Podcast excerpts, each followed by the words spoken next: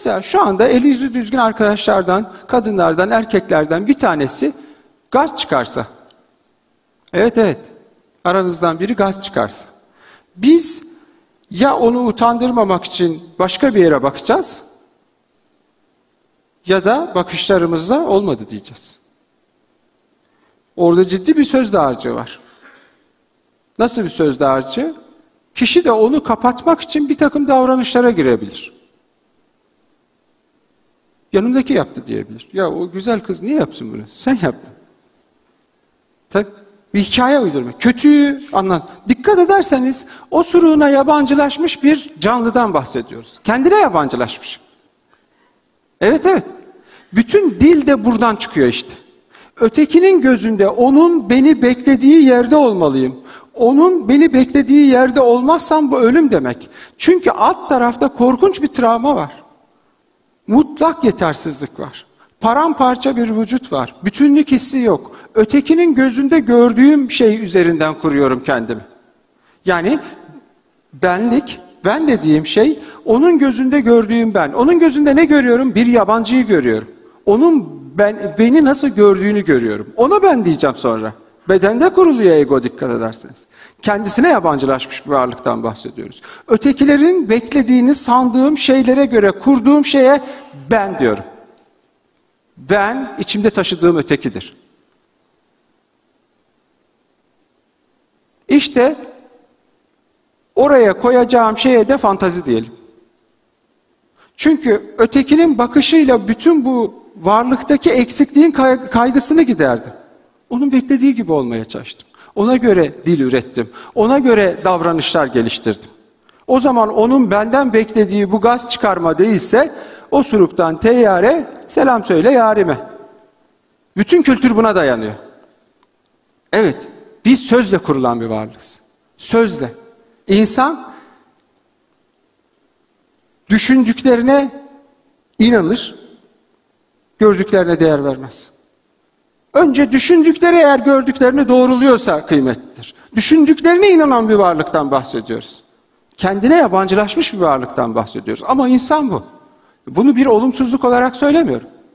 İnsan buysa o zaman bunun üstünden düşünmemiz gerekiyor. Ötekinin ardusunun nesnesi olma girişimidir insan olmak. Onun nesnesi olmak için yapıp ettiklerimdir. Kestiğim pozdur. Hepimizin, herkesin poz kestiği biri vardır. Ben burada konuşurken, siz burada dinlerken hepimiz bir şeyi arıyoruz ve birine poz kesiyoruz. Ya birbirimize ya aklımızdaki birine. Bir fantazi var yani. İnsan eksiklikle hem malüldür hem de mamüldür. Budur. Mesela futbol maçını düşünün. Seyircilerin önemini görelim beraber. Futbol takımı hangi ülkenin hangi takımı olursa olsun, ne kadar güçlü olursa olsun deplasman maçlarını e, kendi sahasında oynadığı maçlardan daha fazla kaybeder. İstisnası yoktur bunun. Yani o sahne histerikleştiriyor çünkü. Gördüğünüz gibi. Kurduğum bir şey var. Histerikleştirir. Her özne histeriktir. Ötekinin arzusunu arzulayan biri, onun benden beklediği yerde olma çabasına girdiğine göre, o zaman histerik bir özneyiz biz. Ötekilerin beklentilerine göre pozisyon alıyoruz. Bu da her davranışımızı, her düşünüşümüzü şaibeli kırar. Şaibelidir. İnsan söze bakmaz, söyleyene bakar. Onu önemser. Sözün doğruluğuyla ilgilenmez. Biz gerçeği aramıyoruz. Biz gerçekten kaçıyoruz. Gerçeğin bizde yarattığı kaygının üstüne bir fantazi geçiriyoruz. O fantazimizi kaybetmememiz lazım. O arzuyu kaybetmememiz lazım. Ancak öyle dayanabiliyoruz. Çünkü arka planda her şey anlamsız. Anlam neydi? Varlıktaki eksikliğimi kendimi ikna edecek, o, o, o boşluğu dolduracak söz dağarcığıydı. İnsan anlamı aramaz ki. Anlama ulaştığına inanan bir varlıktır. Anlamı buldun diyen bir varlıktır. Her anlama bu anlamda bir yanlış anlamadır. Zaten kendisine ben deyip kendisini doğadan ve öteki varlıklardan ayıran bir varlık yanlış anlamıştır. Her ben bir yanlış anlamadır. Her seferinde yanlış anlamadır. Kendimi düzelttim, değiştim. Gene yanlış anlamadır.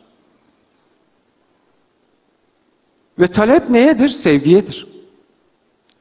Çünkü o kaybettiğimin yerine koyacağım ikamelerle, nesnelerle tamamlanacak. O da insanlarla ilişkilidir. Ötekilerle ilişkidir. Yani parayı da, itibarı da, bilgiyi de ötekinin arzusunun nesnesi olmak için, ötekinin sevgisini elde edebilmek için istiyorum.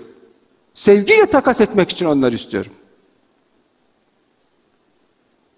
Eğer ötekinin arzusunu eğleyecek, onun beni beklediği yerde olduğum hissini, o benim dedirtecek bilgi ise bilgiyi arıyoruz. Neyse onu arıyoruz. Para bir kısa devre yaptırıyor. Yara, işe yaramaz demiyorum. Epey, epey bir süre yarıyor. Hatta bizim nefret etmemizi de sağlıyor. Aslında beni seviyordu. Tabi parası için onu seçti. Emin misin? Rahatlatıyor bizi. Rahatlatıyor. Yani o koyduğumuz şey söz neyse fantazi. İnsan arzuladığı şeyi gerçekten istemez. Öyle.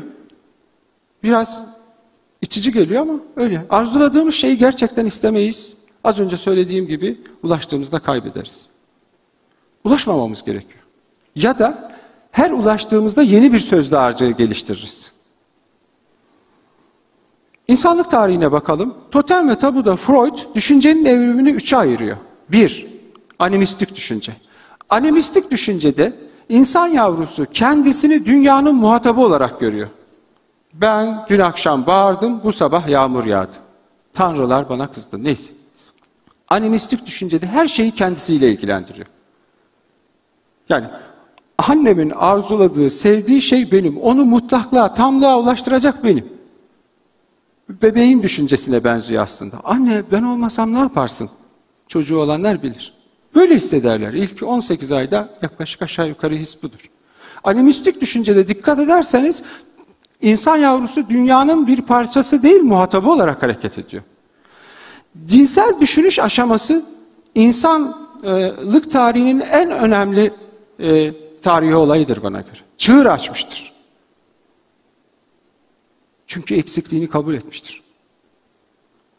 Yani beyaz incileri alıp yerine incili veren beyazlarla Kızılderililerin alışverişinde karlı olan Kızılderililerdir. Çünkü Kızılderililer yetersizlikleriyle yüzleşebilmek için çok ucuz inci vererek almışlar hem de bu. Çok önemli bir düşün, düşünce aşamasıdır bu.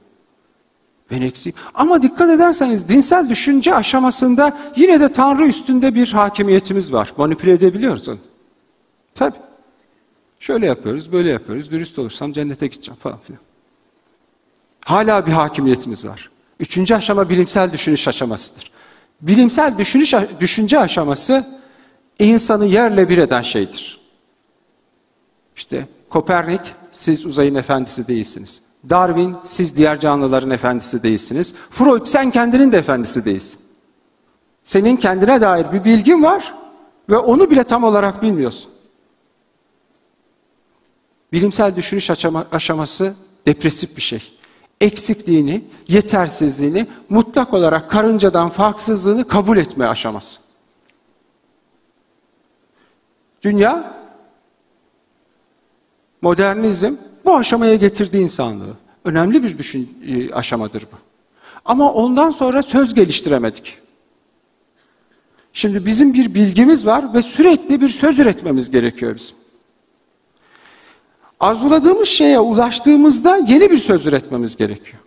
Yani bu arzuladığımız şeyle mutlu olmamamızın en güzel örneği yakın tarihte Rusların başına gelmiştir. Marx'ın arzusunu, hayalini, düşünü gerçekleştirdiler, sonra da ellerine yüzlerine bulaştırdılar. Elmayı sırdılar yani. Ya ne güzel cennetteydin işte. Yok. İstemeyiz. Bilmek, doluluk hissi ölüm demektir. Çünkü bir şeyin, bir tepkimenin, bir varlığın, bir canlının hareket edebilmesi için boşluğa ihtiyaç vardır.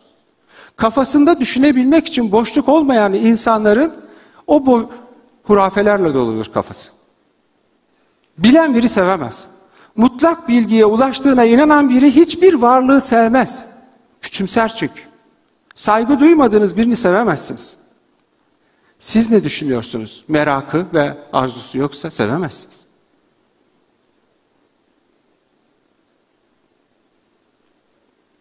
Bu benim karım, bu benim kocam dediğinizde ilişki biter. Arzuladığı şey 10 yıldır peşinde koşuyordu. Tamam dedi bitti. Tanımlayıcı her darbe arzuyu tükettiği için ilişkiyi de bitirir.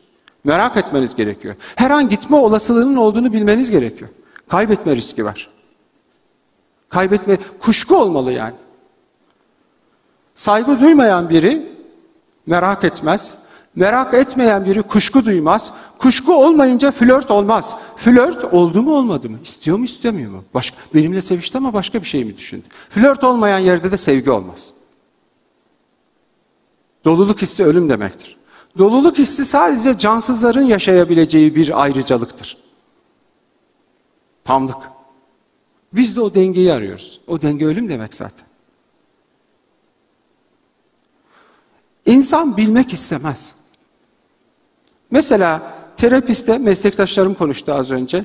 Ben hiç meslek yaşamım boyunca şöyle bir çift görmedim. Agah Bey. Dört yıldır flört ediyoruz ve biz evlenmeye karar verdik. Ama bu karşımdaki kadının salak olduğunu düşünüyorum. Diyor ki sonsuza kadar seninle yaşayacağım ve ne yaparsan yap seni seveceğim diyor. Dünyada dört buçuk milyar erkek var diye gelmez. İnanır bunu.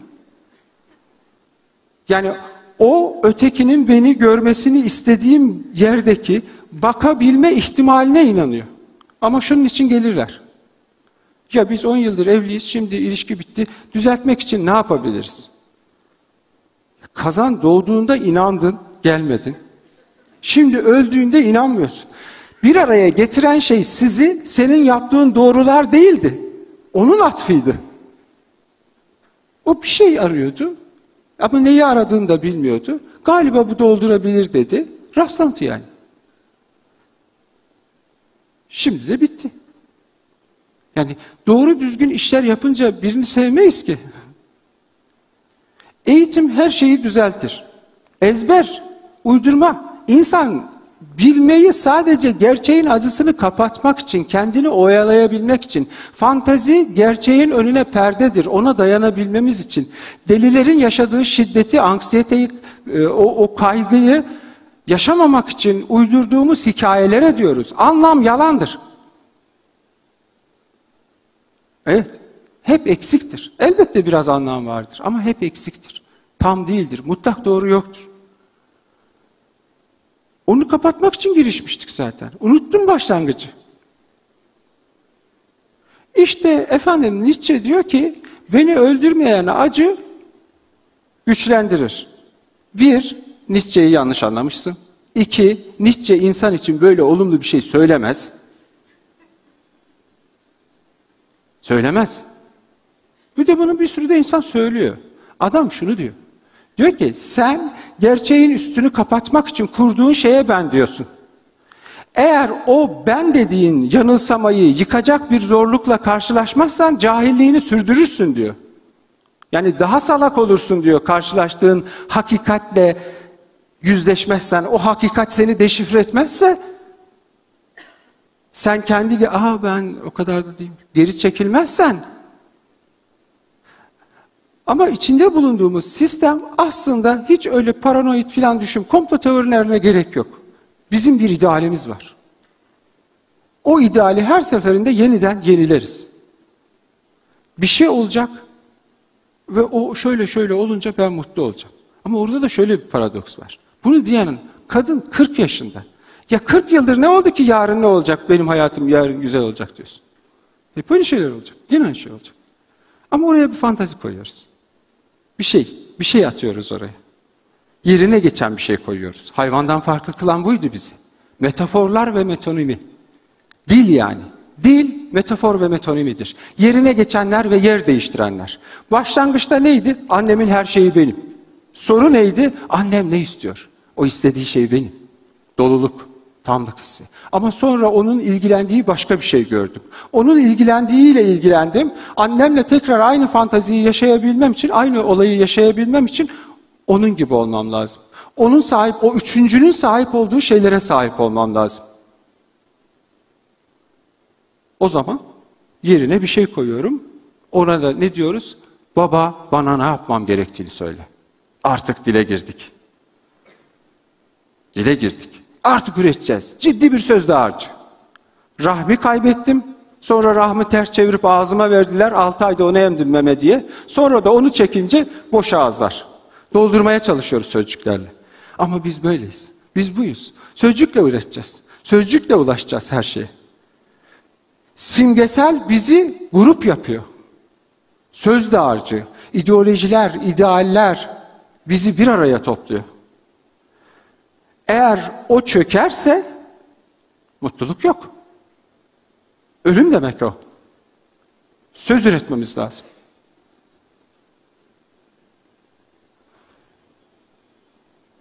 Aynesi iştir kişinin lafa bakılmaz. Saçma. Yani size filan arabayı alıyor, filan ev, e, evi alıyor, filan eşyaları alıyor diye biriyle mutlu olabilir misiniz? Muktedirlerden alınan laflarla düşünüp konuşuyoruz. Laftır insanı bir arada tutan. Sözdür. Bu hakikatin üstüne geçirebileceğimiz sözle harcığıdır. Peynir gemisi lafla yürür. İnsan böyle bir varlık. Söz yoksa bizi bir araya getiremez hiçbir şey. Sesler olması lazım. Sözler olması lazım.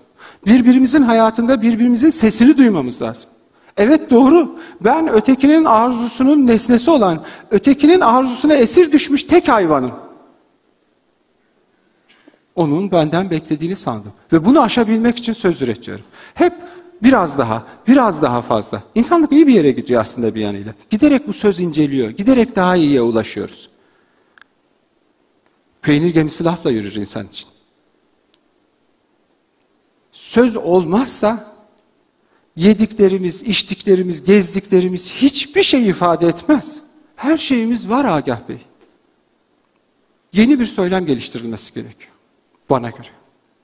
Eğer bizi bir araya getiren, gelecek müştereklerde mutluluğa götüren şey nedir diye sorarsak benim söyleyebileceğim tek şey bir söylem geliştirmemiz gerekiyor. Simgesel çöktü çünkü. Dinler, ideolojiler ciddi yaralar aldı. Ve dikkat ederseniz tüm toplumlarda sapkınlıklar da arttı. Hakimiyet duygusu kurmak istiyoruz ve söz olmayınca bizi tutan hiçbir şey olmuyor. Söz bizi sınırlar. Öteki bizi sınır, sınırlar. Arşalus hocam burada olmasa ben daha sınırsız konuşacağım. Utanç bizi utanç bizi kurtarır. Utanç da ötekiyle mümkündür. Ben biri tarafından sevilince özgürlüğümü kaybediyorum aslında. Ben de birini sevdiğinde onun özgürlüğünü alıyorum. Yani özgürlükle mutluluğu takas etmiş oluyorum. O zaman insan sevildiğinde de sevmesini bilmeli. Ötekine siz diyebilmeli. Çok bilmemeli insan. Çok bildikçe hakikatten uzaklaşıyoruz. Ama her bildiğimizde bizi hakikate biraz daha yaklaştırıyor. Yeni bir söylem geliştirmemiz lazım. Hem de bu söylem öyle sağduyulu falan olmaması gerekiyor. Hatta biraz kelime salatası yapayım. Sol duyulu olması gerekiyor. Alttan yana olması gerekiyor. Gerçekten yana olması gerekiyor. Saçma olması gerekiyor. Hakikat absürttedir. Hayatınızdan söz hiç eksik olmasın. Teşekkür ederim.